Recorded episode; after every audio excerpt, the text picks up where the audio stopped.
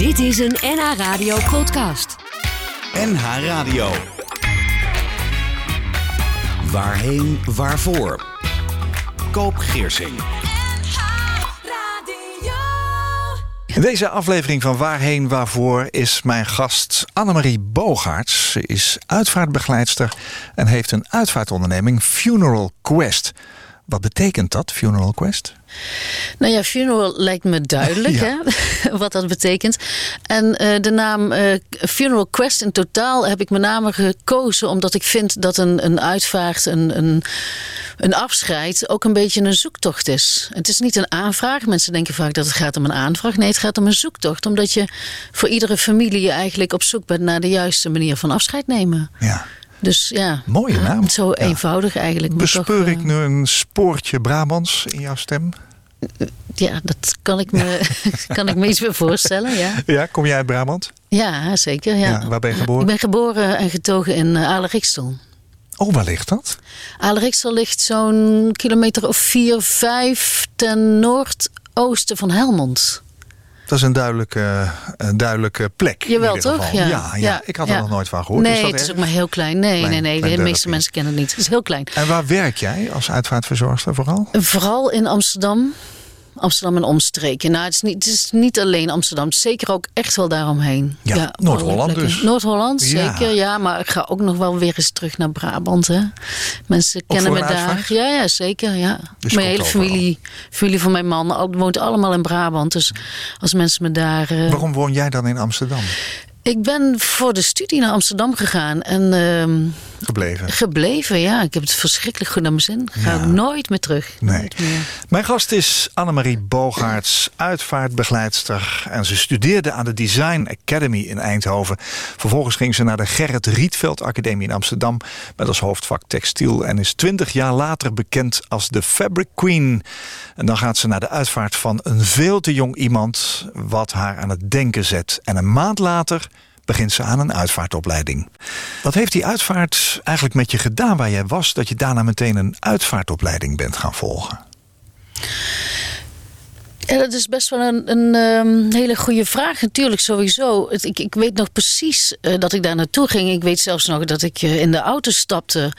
En dat ik bij mezelf dacht, wat, ehm, wat fijn. Ik ga naar een uitvaart toe, wat natuurlijk heel bijzonder is. En zeker eh, gegeven het feit dat het overlijden nogal ehm, verdrietig was. Het was heel erg verdrietig. En ik zat er een soort van jubelend in. De hele dag. Echt jubelend. Ik Leg vond het dat- alles dat fantastisch. Ja? Ja, we hebben een heel goed, fijn gevoel. En, en dat gevoel kwam ook heel erg voort uit eh, wat je doet op zo'n moment. Je, je eh, eert het leven van iemand. Je, er komt heel veel verbinding met elkaar. Je hebt een, een bepaalde mate van mooie ceremonies. Een bepaalde mate van respect en waarde. Wat je uitspreekt naar elkaar, maar ook naar een overleden iemand.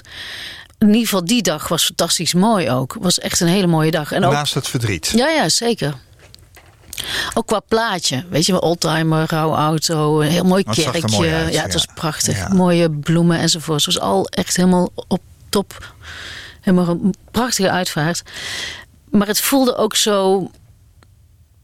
Ja, thuis of zo. Van dit is... Dit is Ik begrijp dat, wat je, als je Waar dat ik zegt. wil zijn, Ja, dat. ja, ja. Ik- dat gevoel had je niet, niet eerder gehad nog bij Nee. iets? Nee. Nee, ik denk dat het zeker ook wat te maken heeft met het feit dat die uitvaart heel specifiek heel mooi was. Hebben wel eerder uitvaarten gezien natuurlijk, hè, met name van eh, ooms en tantes. Was meer traditioneel misschien? Wat traditioneler, inderdaad.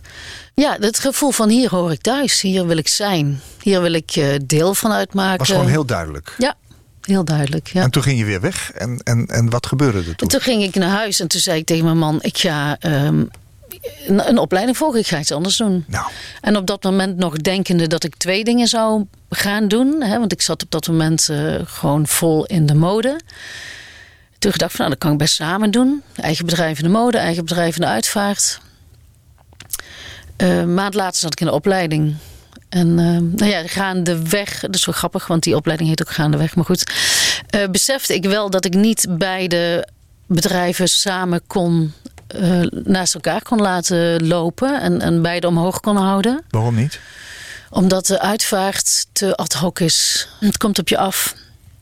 Je hebt over het algemeen niet dat van tevoren in je agenda staan wanneer iemand komt te overlijden of wanneer iemand je belt. Heel soms, hè, dat weet jij, weet je ook als geen ander. Uh, bijvoorbeeld bij een euthanasie, hè, dan weet je van oké, het gaat gebeuren. En dan heb je misschien alles al vast liggen, maar over het algemeen is dat niet zo. En daarmee um, schoot ik tekort voor mijn klanten in de stoffen, in de textiel. Ja, beide vraagt heel erg veel. Hè?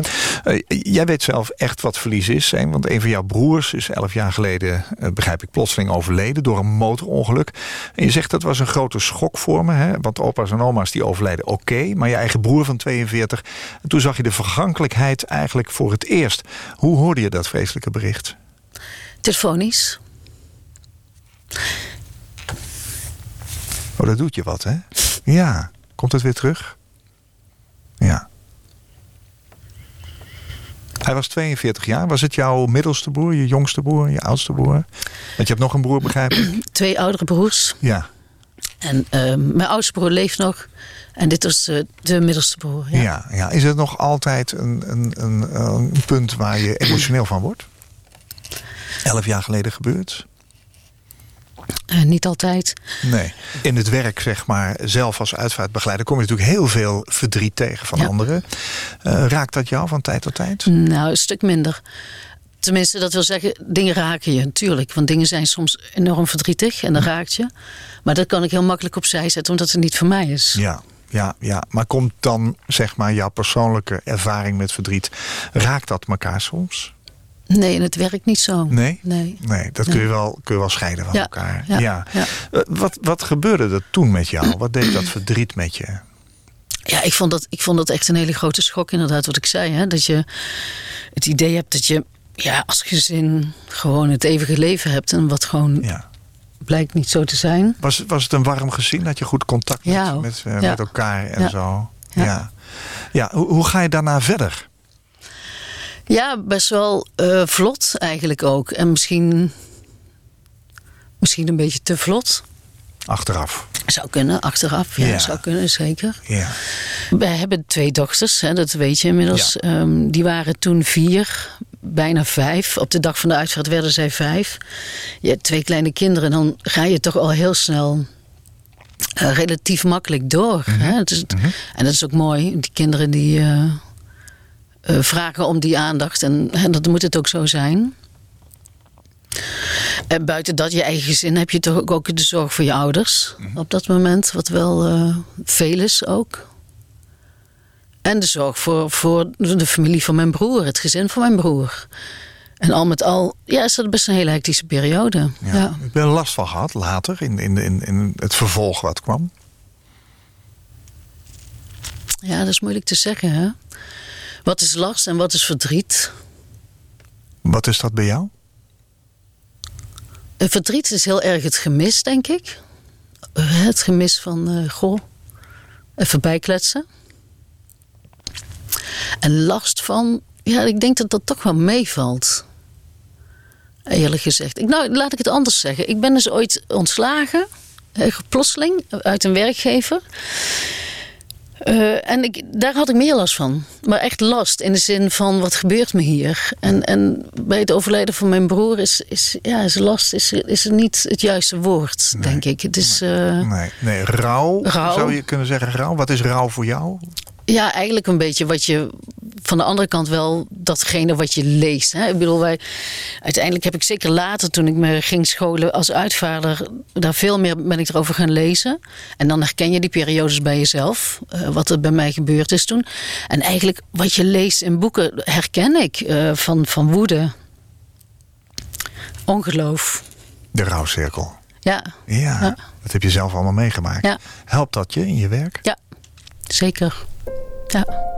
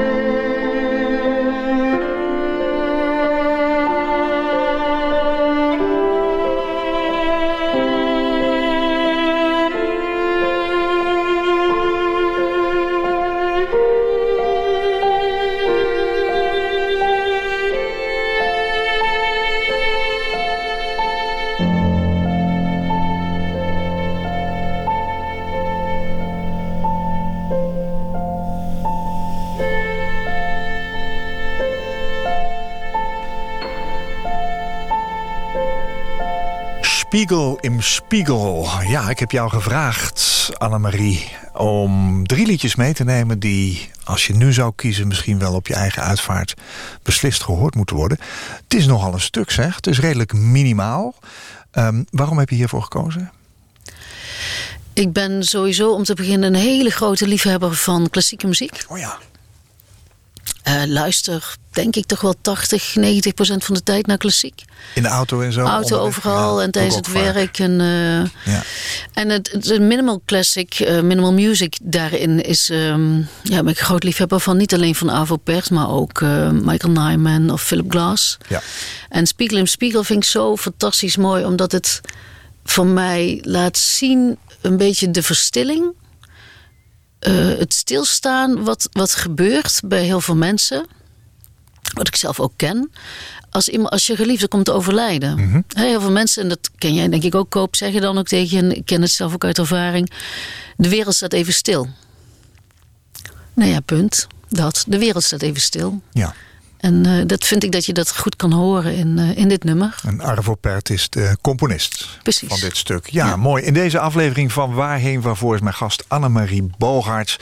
Ze is uitvaartbegeleidster en haar uh, uitvaartonderneming Funeral Quest. Daarmee probeert ze mensen te begeleiden in dat verlies. Je vertelde zojuist dat je uh, eigenlijk ook wel behoorlijk verlies gevoeld hebt bij een ontslag. Hè? Um, zojuist wij, tijdens de muziek spraken wij en zei je... ja, ik voelde me vooral zo aangetast in mijn zelfstandigheid... maar ook in mijn, in mijn zelfverzekerdheid. Ja. Um, is een ander soort verlies dan als je een persoon verliest. Hè? Zoals met jouw broer elf jaar geleden.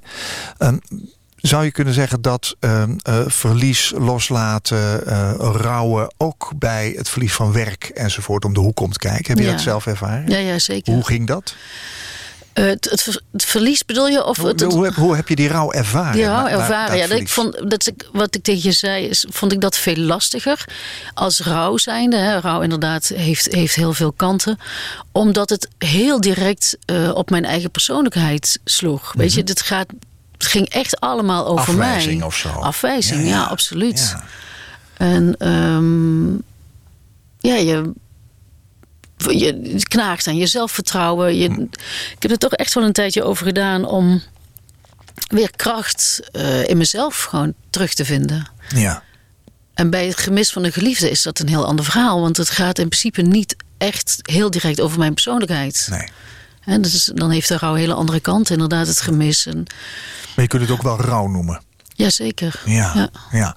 Even terug naar jouw begin. Hè? Want je bent natuurlijk helemaal niet begonnen ooit. Hè? Dat vertelde je uh, zojuist ook als uh, uitvaartbegeleidster. Want jij zit in de stoffen. Jij zat in de stoffen. En misschien nog hoor. Je ziet er ook prachtig uit. Uh, kan wel zien dat je daar belangstelling voor hebt. Hoe is dat destijds gegaan? Waarom ben je die opleiding gaan volgen in, in het zuiden? Voor de stoffen, ja. ja. Oh ja, dat is een, een traject vanuit de middelbare school al. Dat ik zag dat van. meteen? Nou, nee, niet heel direct. Op de middelbare school merkte ik dat ik wel handig was met uh, ontwerpen, vormgeving, tekenen enzovoort. Oh ja. En toen wilde ik dus die industriële vormgeving gaan doen. Daar heb ik nog een tijdje gedacht om naar Delft te gaan misschien, naar uh, de TU. Uiteindelijk gekozen voor Eindhoven, omdat die toch wat uh, praktischer en minder technisch is. Mhm.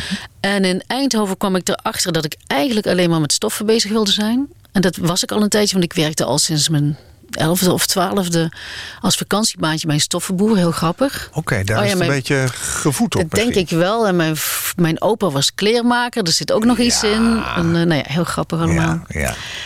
Vanuit Eindhoven wilde ik dus alleen maar stoffen doen. Toen zei ze, nou dat kan niet hier, want Eindhoven is, is veel meer uh, driedimensionaal gericht. En vanuit daar ben ik dus toen naar de Rietveld Academie gegaan. Had je Eindhoven afgemaakt? Of heb je een tussentijdse Tussentijdse switch gemaakt. Ja, bedacht van dit gaat niet werken, ik uh, ga hier weg. Um, en op de Rietveld Academie had je toen de tijd de textielafdeling als zijnde kunst.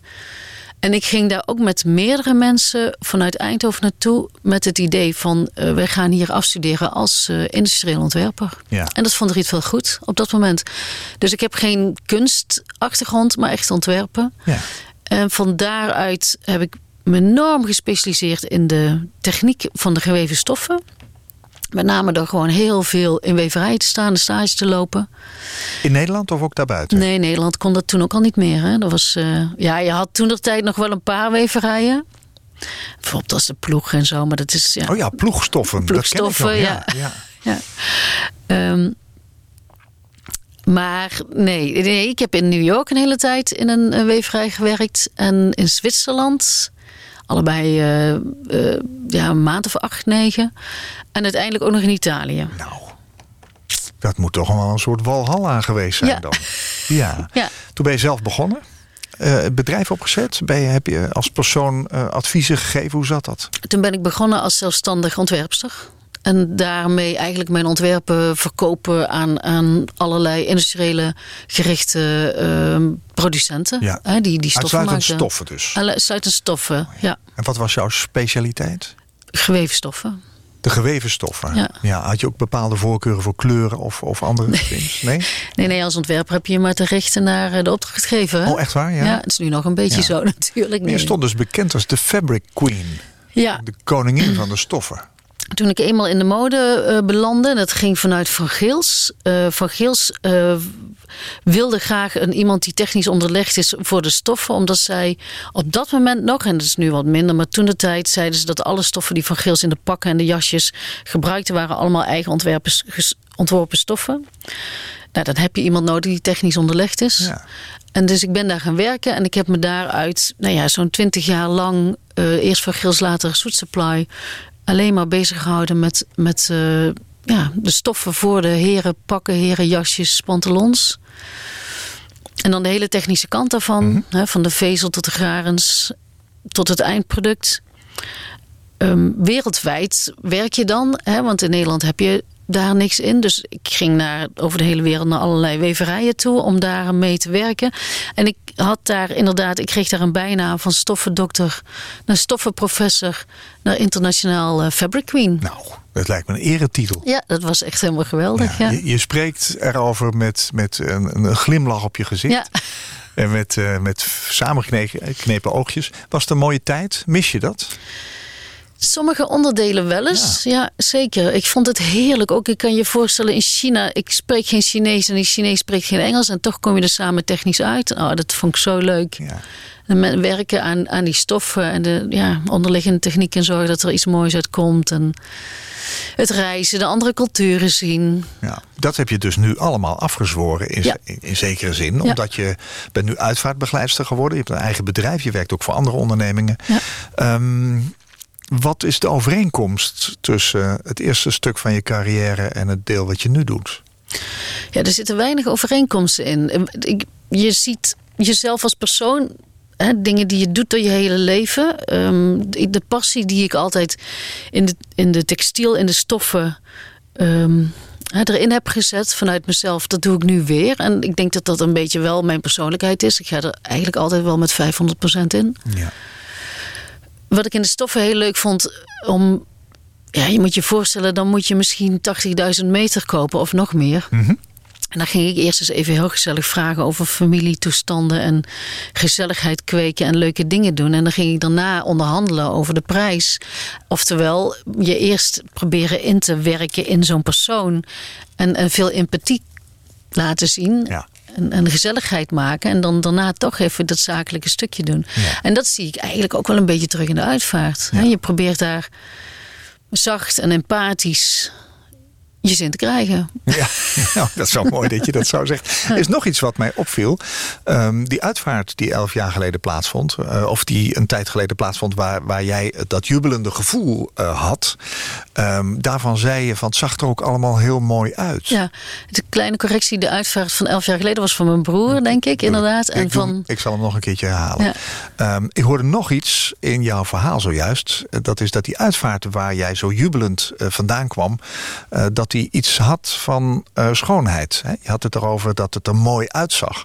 Dat lijkt me ook een connectie met jouw vorige carrière. ja, Klopt dat? ja, zeker. Ja, je ziet, als, als ontwerper zie je dingen makkelijk. Ja, maar Ehm, doe je dat nu ook als, als uitvaartbegeleider? Jawel, jawel. Ja, je probeert wel te kijken naar um, een, een omgeving mooi maken, zeker. Ja, en het is niet dat ik een interieurarchitect ben of dat ik aan de slag ga met, met ehm, ja, allerlei dingen. Om een, maar hoe zou ik dat zeggen? Je probeert ja, je probeert toch een bepaalde mate van, van schoonheid neer te zetten. Hoe dan ook, in, in welke situatie je dan ook bent. En als het dan met een extra kaarsje of ja, een extra bos bloemen of een andere rouwauto. Je hebt er een oog voor. Hè? Je hebt er oog voor, ja. Ja, ja dat is mooi. Uh, over schoonheid gesproken. Hè? Ik heb jou gevraagd drie liedjes mee te nemen. Spiegel niet Spiegel hebben we gehoord. Hè? Dat minimalistische stuk van Arvo Pert. Maar nu gaan we iets heel bijzonders horen. Wat ook niet van plaat of cd komt. Um, uh, het is wel een lied wat ik wel vaker hoor in een aula. Hè? Family Tree van Venice. Ja. Maar wat is daar het verhaal bij? Ja, dat is heel bijzonder, vind ik. Uh, het nummer Family Tree van Venice hebben wij gedraaid tijdens de uitvaart van mijn broer. Onze dochters, Alex en Arwen, is een tweeling. Uh, zijn denk ik redelijk muzikaal. Ze hebben het wel aan van allerlei kanten enigszins meegekregen, de muzikaliteit. En spelen al, ik denk een jaar of tien gitaar, zingen daarbij. En hebben zelf op ook bedacht om dit nummer in te studeren.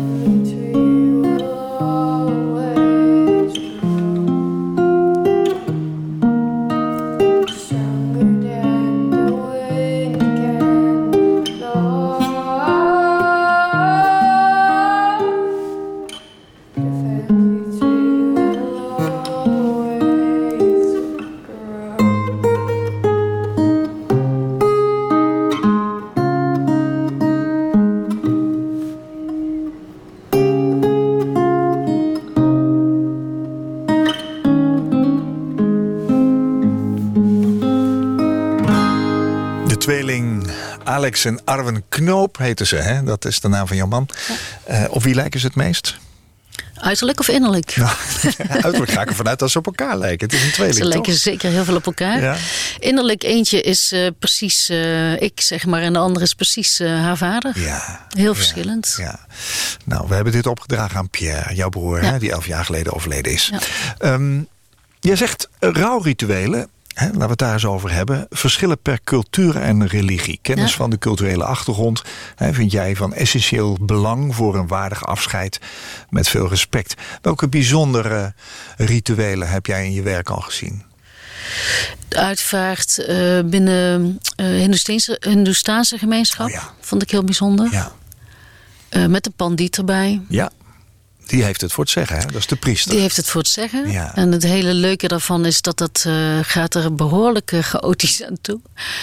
Je krijgt niet van tevoren niet echt een draaiboek of zo. Nee, het is een dat beetje. moet je laten. eh, Ja, moet je ja. veel tijd voor nemen. Ja. Er komen vaak veel mensen. Ja, een Open beetje kist. maar zien hoe het gaat. Open kist. Ja, er was in één geval wel, ander geval kon het niet. Want er was een vinding, hè, zoals je weet. En dan, eh, vinding is wanneer iemand overleden is zonder dat iemand erbij was. En vaak na een, een lange tijd gevonden wordt. Ja, Ja, dat begrijp precies. ik. Ja, Toen had de familie wel heel inventief de, de rituelen bedacht rondom de gesloten kist. En dat was ook weer heel mooi om te zien hoe ze dat deden. Liepen ze er ook omheen aan ja, het eind? precies. Ja. En je weet het over het insmeren met het vet. Ja. Ja, en dat deden ze dan niet op de overleden, maar gewoon op de kist. Wat mooi. Ja, dat is mooi. Ja, Ja, zeker. Ik vind dat we daar heel veel van kunnen leren ook. Hè? Want eh, als Hm. Je kijkt naar wat wij traditioneel gewend zijn... zijn we toch eigenlijk maar saai. Vaak, vind je niet? Ja, ja, een beetje wel. Ja.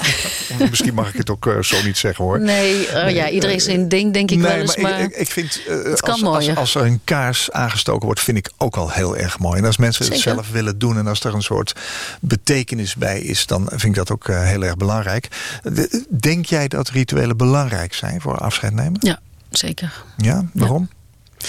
Ja, omdat je bij afscheid nemen ook het doen. Dus niet alleen het zeggen of het luisteren, maar ook de handelingen. Ja.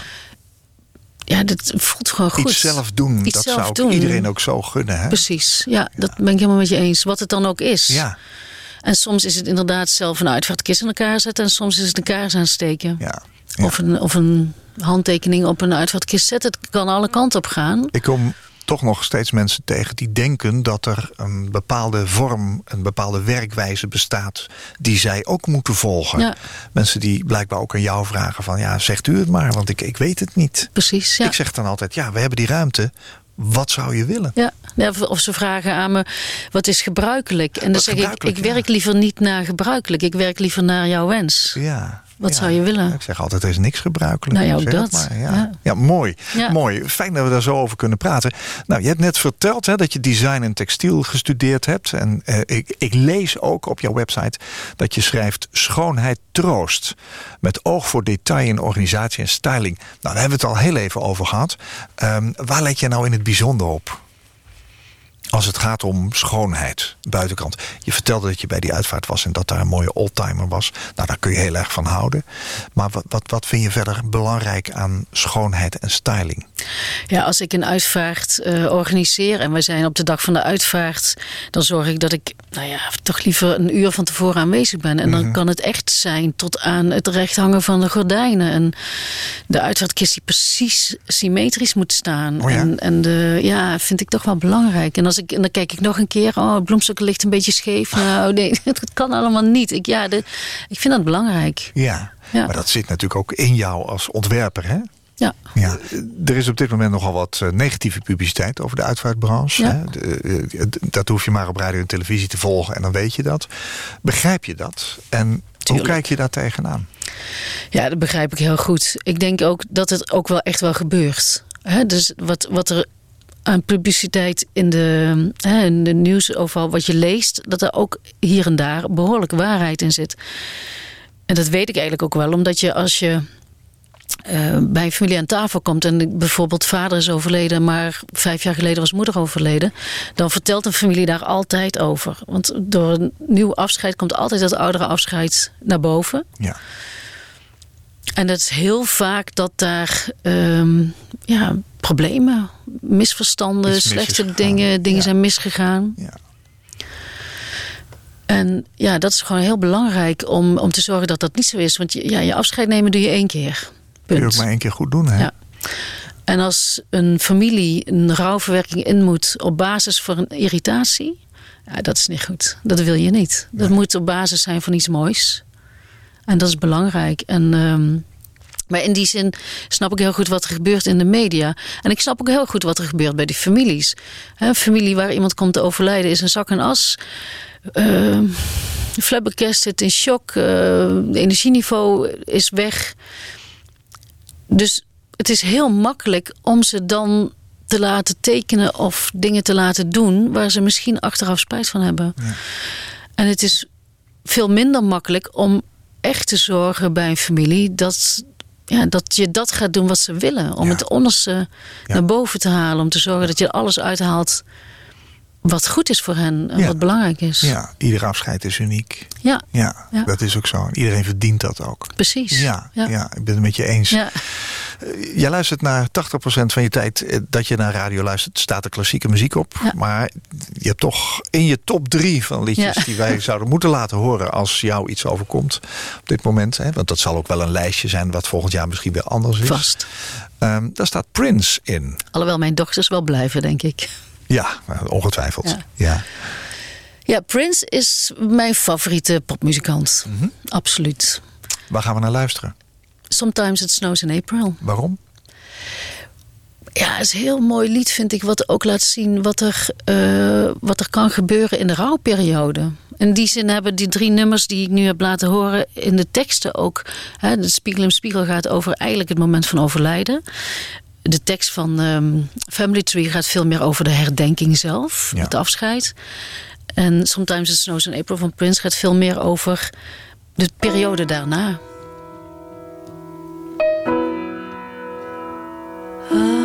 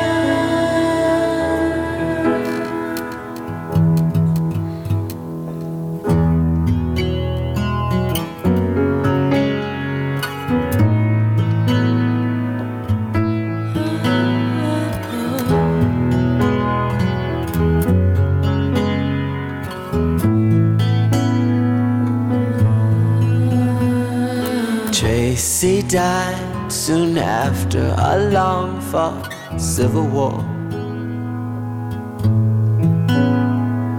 Just after I wiped away his last tear. I guess he's better off than he was before. A whole lot better off than the he left here.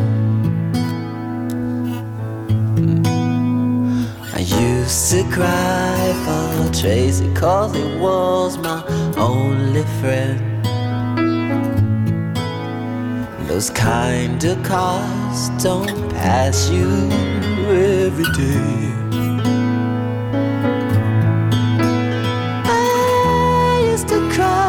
Tracy cause I want to see him again. But sometimes, sometimes life ain't always the way. Sometimes it snows in April. Sometimes I feel so bad so bad. Sometimes I wish that life was never ending. And all good things they say never last. Springtime was always my favorite time of year. Time for lovers holding hands in the rain. Now springtime only reminds me of Tracy's tears. Always cry for love, never cry for pain. He used to say so strong, oh, unafraid to die, unafraid of the death that left me hypnotized. Know, staring at this picture, I realized.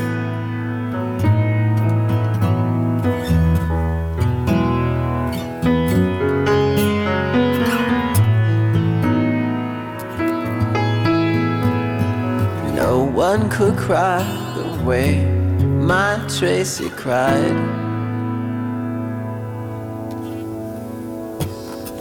Sometimes it snows in April. Sometimes I feel so bad. Sometimes, sometimes I wish that life was never ending. But all good things they say never last. I often dream of heaven, and I know that Tracy's there. I know that he has found another friend.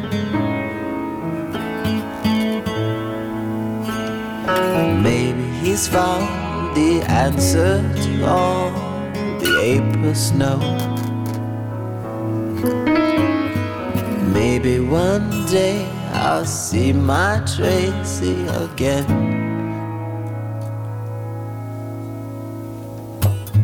Sometimes it snows in April. Sometimes I feel so bad, so bad. Sometimes I wish that life was never ending. But all good things they say never last.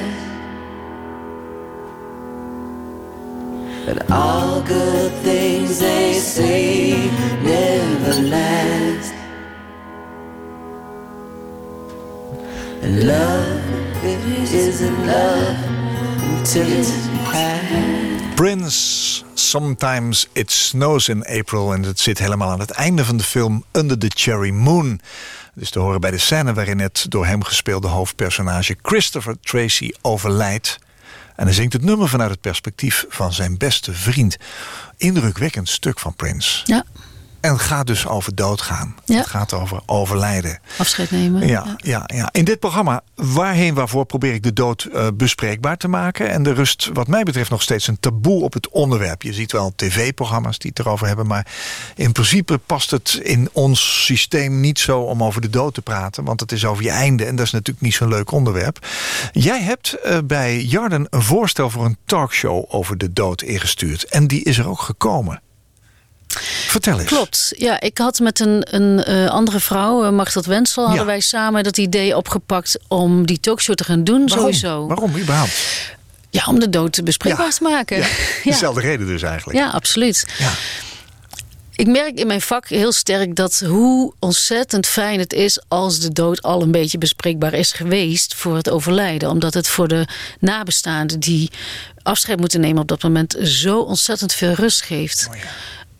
Eh, als, als, als ze al wat weten, als ze er alles over hebben kunnen gehad. Ehm, het is een heel, heel groot verschil met, het andere, met de andere kant wanneer een overlijden plotseling is. Of trouwens, of niet plotseling, dat maakt niet heel veel uit. Maar als er gewoon helemaal niet over de dood gesproken is. Ik heb één keer gehad dat ik een uitvaart ging organiseren. En ik vroeg aan de kerstverse weduwe.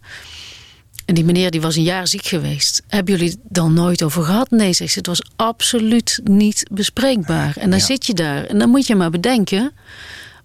wat hij gewild had Ja. of niet. Of Hoe die erin stond. hoe iedereen erin Ja, stond. Ja. ja, Dus zeker ook vanuit mijn vak. Maar ook gezien het feit... ik denk van ja, dat is één ding in ons leven wat zeker is. Dus ja, laten we het erover hebben. En het is, oké, het is niet fijn, en doodgaan. Het is niet makkelijk, maar... hoe, hoe zag die talkshow eruit? Die talkshow was leuk. Was, eh, die andere dame waar ik mee deze had wat ehm, ervaring op het gebied van ook zo'n show opnemen. Hè? Want we hebben toen door Eiburg TV op laten nemen. Die talkshow zag er eigenlijk een beetje uit als een andere talkshow. Je hebt gasten aan tafel en daar bespreek je het onderwerp dood mee. En eh, met twee settings. Ja. Is het nog te zien ergens? Kunnen we het eh, opzoeken? het wel. Ik YouTube heb- of zo? Ik eh, denk het wel. Waar ja. moet je op zoeken? Talkshow over de dood? De dood en het taboe. Oh, de dood en het taboe. Ja. Nou, we gaan eens eventjes kijken. Krijg je daar nog reacties op? Nee, behalve die van jou. Nee, voor de rest niet. Nee, ik ben van plan om een nieuwe te gaan organiseren. Oh, toch wel. Ja. Oh ja, het bloed kruidt waar het niet gaan kan. Precies. Ja, zeg, eh, hoe, hoe doorbreek jij dat taboe om niet over de dood te spreken in je dagelijks leven? Heb jij bijvoorbeeld in je eigen gezin het daarover, over je eigen sterven? Jawel, dat is, komt wel eens ter sprake. Ja, zeker. Het is in ons gezin, denk ik, sowieso allemaal iets... Ja, makkelijker. Misschien niet per definitie, Ja. maar we hebben het er wel meer over. Jij zit in het werk, zou Ik je zit in het zeggen. werk. Maar toch. En eh, we hebben als gezin ook hier en daar wat verliezen geleden. Hè? Zoals inderdaad mijn broer, maar ook eh, mijn schoonvader. Dus ook onze dochters en mijn man eh, weten ervan. Natuurlijk hebben we het meegemaakt enzovoorts. Hebben we ervaring erin. En ja, ik vertel het nog wel eens over. Ja, zeker. Ja. Want je herkent natuurlijk ook... Dat zijn toch vaak bijzondere verhalen die je op je werk tegenkomt. En Ja. die deel ik nog wel eens thuis, ja. En zij weten ook van jou wat je zou wensen. Ja, dat staat op papier. maar Oh, ja? dat verandert wel heel vaak. Oké. Wil je begraven worden of gecremeerd? Gecremeerd. Oh, dat wel. Ja. Weet je ook waar? Ja, dat verandert dus. Ik had in eerste instantie altijd een Nieuwe Noorder, omdat ik dat zo In Amsterdam. Mhm. fijne plek vind in Amsterdam. Maar ja, misschien toch de nieuwe Tipi tent op Zorgvliet. Die is mooi, hè? Ja. Ja. Ja. En ik vind het zo mooi dat je op het water daar naartoe kan. En ik hou van water enzovoorts. Dus ja. De Amstel ligt langs Zorgvliet. Ja. Daar kun je aanmeren, daar kun je op. En dan kun je eerst in een aula, als je wilt, nog afscheid nemen, gedenken. Dan loop je met de overledene over een pad, langs het zustermonument, langs het broedermonument, het vadermonument, wat je wil. En dan kom je bij een hele grote tent uit. Ja, dat is inderdaad prachtig. Ja. Mooi, wat een mooie verhalen. Dank dat je ze vandaag eh, verteld hebt. Dank ook dat je ze meegenomen hebt. Ik begrijp dat je inmiddels bijzonder blij, positief en krachtig in het leven staat. Dat vind ik ook heel fijn om te horen. Mijn gast in deze aflevering van Waarheen Waarvoor was Annemarie Bogaerts. Uitvaartbegeleidster. Uitvaarder noemt ze zichzelf. Ze studeerde aan de Design Academy in Eindhoven. En aan de Gerrit Rietveld Academie in Amsterdam. Met als hoofdvak textiel. Ze werkt 20 jaar als freelancer in de stoffen. En tijdens een uitvaart van een veel te jong iemand wordt ze aan het denken gezet. En ze begint een uitvaartbedrijf Funeral Quest. Nou ja, goed. Volgens Annemarie is afscheid het geheim van nooit meer en een nieuw begin. Het eren van een heel leven in één dag. En zij vindt dat schoonheid troost. En ze heeft oog voor detail in organisatie en styling. Annemarie, dank voor je komst en voor je verhaal. Dankjewel. Ook jij, Koop. En heel graag gedaan. Ik wens je alle goeds. Dank je. Koop Geersing. Als jij een keer te gast wilt zijn in Waarheen Waarvoor... om te vertellen over jouw levensreis, laat me dat dan weten... via waarheenwaarvoor.nhradio.nl waarheenwaarvoor.nhradio.nl Dit was een NH Radio podcast. Voor meer, ga naar nhradio.nl. Radio.